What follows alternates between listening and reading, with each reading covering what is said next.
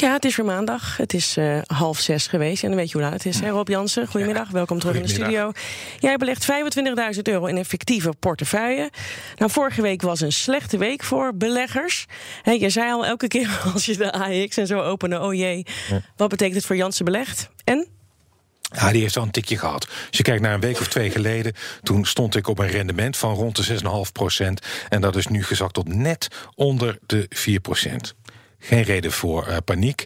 Galapagos staat wel uh, lager. Dat is eigenlijk uh, de grootste daler, ruim 10 procent. En verder staat Prozus in de min. Um, heeft een derde van de Chinese internetgigant Tencent in bezit. Nou ja, goed. Dan ver, even kijken. Unilever die stond licht lager op dit moment. Ja, maar dat is 1 tiende procent. Dus dat valt heel erg mee. En de rest staat allemaal hoger. Ja. Dus uh, ja, uh, het valt allemaal mee, vind ik, gezien de storm die we achter de rug hebben. En als je nou kijkt, vandaag staan de Europese beurzen weer hoger. Uh, Wall Street lijkt op te krabbelen, dus geen zorgen. Nou, twijfelde je voor een nieuwe investering, want je hebt nog geld over om. Uh, om uit te geven. Ja. Twijfelde je tussen farmacie en retail. Is je keuze nou al bepaald?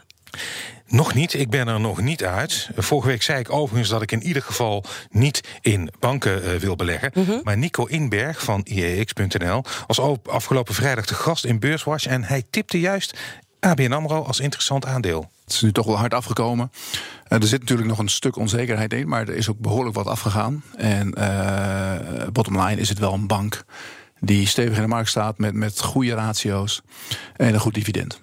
Ja, en uh, Inberg verwacht ook niet dat de rente in Europa nog heel veel verder zal dalen. En als landen als Nederland en Duitsland echt gaan investeren in infrastructuur, dan kan dat de rente juist doen stijgen. Ja, maar... Dat kan zijn, maar als ik kijk naar de koers van ABN AMRO, dan wacht ik liever nog even voor bewijs van die theorie. Nee, want aan de koers te zien zijn andere beleggers nog niet overtuigd ja, van ABN nee. AMRO? Nee, inderdaad. Maar er is wel iets geks aan de hand met ABN AMRO. Uit het maandelijkse onderzoek dat beleggersbank Bink onderdoet, uh, doet onder hun klanten, een zogenaamde beleggersbarometer, blijkt dat ABN AMRO uh, het op één na favoriete aandeel is voor een aankoop. Op één staat Shell en op twee, Shell heb ik trouwens al in portefeuille, op twee staat dan ABN AMRO. Mhm. Mm -hmm. Maar als je aan de andere kant kijkt naar het antwoord op de vraag wat is het favoriete aandeel om te verkopen, dan staat ABN AMRO bovenaan. Um, dus uh, particuliere beleggers zijn ambivalent. Die zijn in te delen in mensen die zeggen... ja, nu Ja. is het wel tijd om ABN AMRO uh, te kopen... maar een andere uh, groep Maar er is ook gerommel over dat witwassen, hè? dus dat zal dan ook wel Ja, dat is... Ja, bij dat, een aantal beleggers maar een rol ja, spelen. dat is, ja dat, dat, dat heeft inderdaad wel to, even tot schrik geleid. Maar goed, dat is dat wordt hoe dan ook uh, Ja. opgelost. Er moet ook een nieuwe topman komen. Uh, dus er is nog wel wat beweging te verwachten daar inderdaad. Maar ga je dan, koop je ABN?